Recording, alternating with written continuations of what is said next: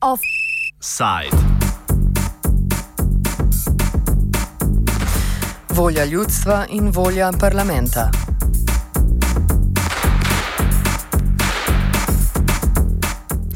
Nasprotniki pred kratkim sprejete novele zakona o zakonski zvezi, ki izenačuje pravice raznospolnih in istospolnih skupnosti, so začeli zbiranjem potrebnih 40 tisoč podpisov za razpis referenduma. Referendumska pobuda prihaja strani koalicije za otroke Gre, ki je sveto prepričana, da bo omenjeni zakon imel škodljive posledice tako za tradicionalno družino, kot tudi za otroke.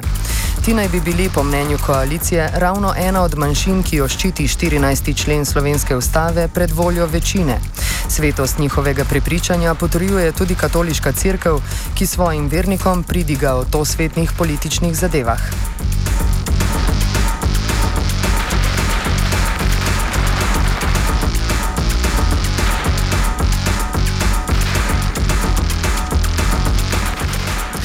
Pričetkom zbiranja podpisov za referendum je začela teči tudi možnost za njegov preklic. Predlagateljica novele zakona, poslanska skupina Združene levice, je že pred časom napovedala zbiranje 23 potrebnih poslanskih podpisov za uložitev zahteve o prekinitvi zbiranja referendumskih podpisov, kar jim je na koncu s pomočjo nekaterih poslancev Desusa naposled tudi uspelo. Poleg posameznikov iz stranke upokojencev so svoje podpise primaknili tudi poslanci SD-ja in za ABA in s tem pa ni bilo več ovir za sklic izredne seje državnega zbora, na kateri bodo poslanci odločali o prekinitvi referenduma.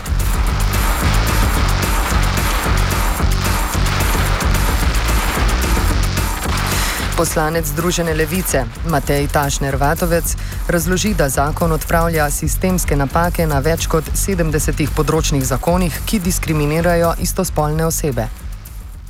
Ker je v primeru novele zakona o zakonski zvezi in družinskih razmerjih za odpravo obstoječe sistemske diskriminacije za operisto spolne pare je odločanje o njihovi pravici do enakosti pred zakonom nedopustno.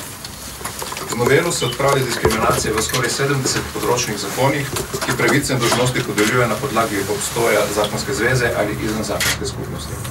V sklepu so navedeni le najpomembnejši, ki podeljujejo pravice, ki so za raznospolne pare samoumevne, za istospolne pa preveliko prikrajšane.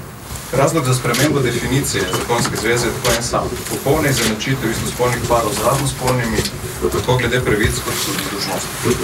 Zato bomo naredili vse, da bo sklepo nedopustnosti, da razpise referenduma noveli sprejet in da do referenduma, na katerem bi večina odločila o ustavno zajamčenih pravicah manjšine, ne bo prišlo.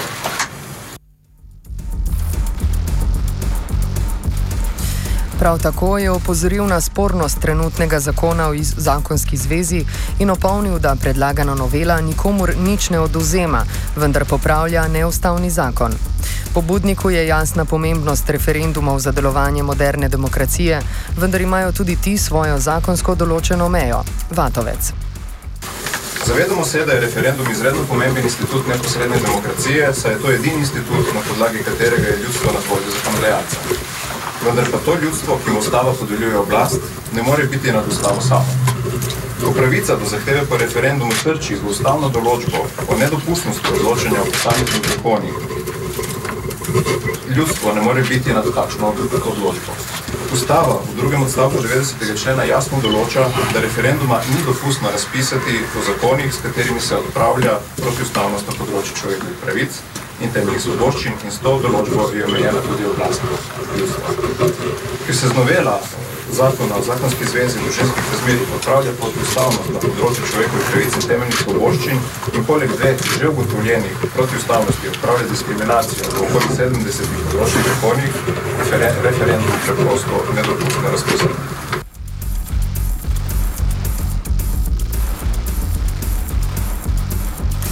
Če bodo predlagatelji uspeli s predlogom za zaustavitvijo zbiranja podpisov za referendum, potem bodo imeli homofobni predlagatelji referenduma možnost za njegovo presojo pred ustavnim sodiščem.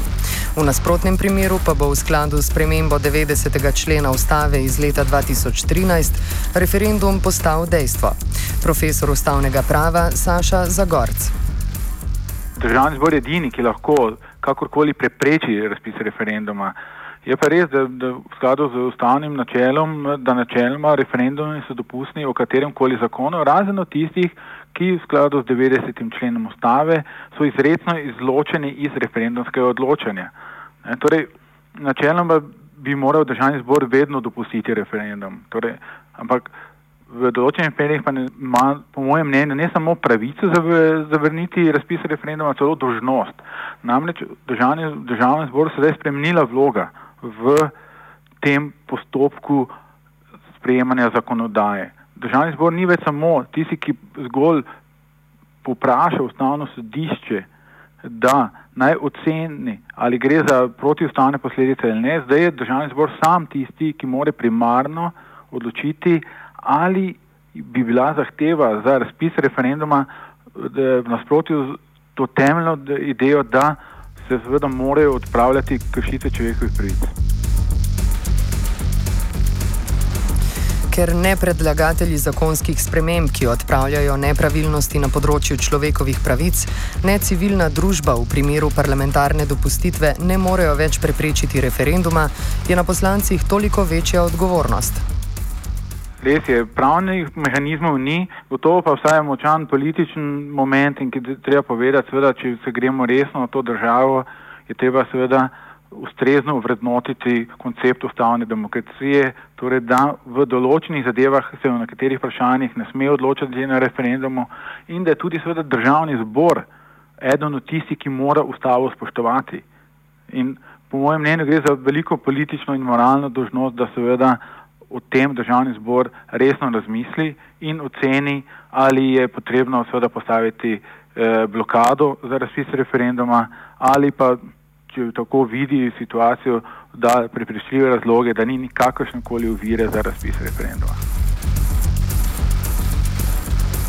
Omenjeno spremembo referendumske ureditve je prinesla vlada Elenke Bratušek. Več o takratnih spremembah v ustavi je povedal profesor ustavnega prava Saša Zagorc. Gre za resno vprašanje delitve oblasti v Republiki Sloveniji. Torej, kakšne so pozicije odločevalcev in tisti, ki v tem postopku temeljnega odločanja na zakonodajni ravni sodelujejo. Tukaj omenjam predlagatelje referendumov, ljudstvo, civilno družbo, opozicijo, parlament kot večino, vlado in tudi ustavno sodišče. Prememba ustave, ki je bila storjena leta 2013, je seveda ta razmerja spremenila. In ko pravilno ste ugotovili, šla je v smer ojačanja vloge državnega zbora in posledično tudi vsaj v dveh vidikih zmanjšanje moči, najprej iz tih tistih, ki predlagajo referendum in seveda ni dala nobenih drugih eh, varovalk, mehanizmov na splošno civilni družbi. Ob povečani politični vlogi, ki jo ima parlament na področju odločanja o človekovih pravicah manjšine, spremenjeno uredbo na področju referendumov, ima odločitev največje vladne stranke, da zaenkrat da prednost ljudskemu odločanju in ne podpre pobude Združene levice o zaustavitvi referendumskega procesa, toliko večjo težo. Stranka, ki se sicer zauzema za spoštovanje pravnega reda, ustave, morale in še česa, za pojasnila danes ni našla časa. Političnih opazovalcev pa njena poteza ne preseneča, med njimi tudi Marka Radmiloviča. Ne. To smo se zdaj že skozi teh četrt stoletja demokracije naučili, da neka načelnost v politiku ni, oziroma zdaj pa je že to res vsakdanje postalo, da predvolilne obljube nimajo nič skupnega z potem realno politiko na terenu, kot se reče. Tako da pač tudi sem te tu ravnala pragmatično, oziroma dnevno politično načelnost nekako nima, ni mesta v, v teh vladnih uh, kolobocijah. To za mene ni čisto nobeno presenečenje. Še o kakšnem bolj usodnem vprašanju se bo to dogajalo in še s kakšno drugo vladajočo strukturo, ne s to, ki je trenutno na oblasti. Vatovec se ob nenačelnem ravnanju SMC sprašuje, ali gre za politično taktiziranje. Eh, kar se pa tiče podpore največje vladne stranke, seveda eh, se je glasovalo na izredni seji z navadno večino. Večkrat smo že povdarili, da je to vprašanje, ki ni samo vprašanje, um, ali gre to za neko, um, za neko, za neko taktiko ali pa kaj takega, ampak da gre za vprašanje po eni strani uh, človekovih pravic, človekovih pravic manjšine in po drugi strani spoštovanja ustave.